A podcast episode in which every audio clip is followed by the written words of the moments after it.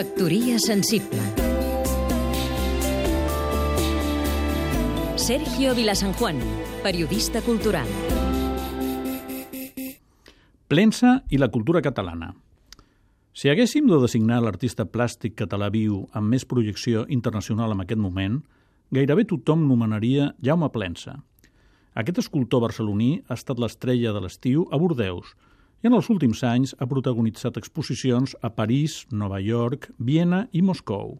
També ha mostrat els seus grans caps humans i cossos realitzats en filigrana de lletres en espais públics com parcs, avingudes i platges de Rio de Janeiro, Frankfurt, Alberta o Chicago.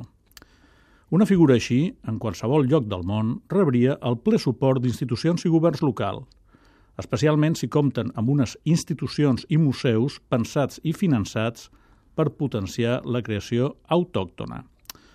Doncs bé, saben quan va tenir lloc la última exposició institucional de Jaume Plensa a Barcelona? Doncs el 1996, en la Fundació Miró. I saben quina va ser la seva última intervenció en un espai públic barceloní? El 1992, l'any olímpic, al Passeig del Born. És a dir, en els últims 17 anys, Plensa no ha fet res rellevant de caràcter públic entre nosaltres, el que ens fa pensar que la seva projecció i consolidació l'ha aconseguida malgrat, i no gràcies a, les institucions catalanes.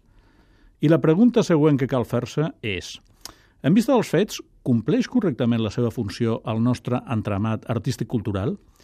I si no dona suport a figures com Plensa, a què dimonis està donant suport? Factoria sensible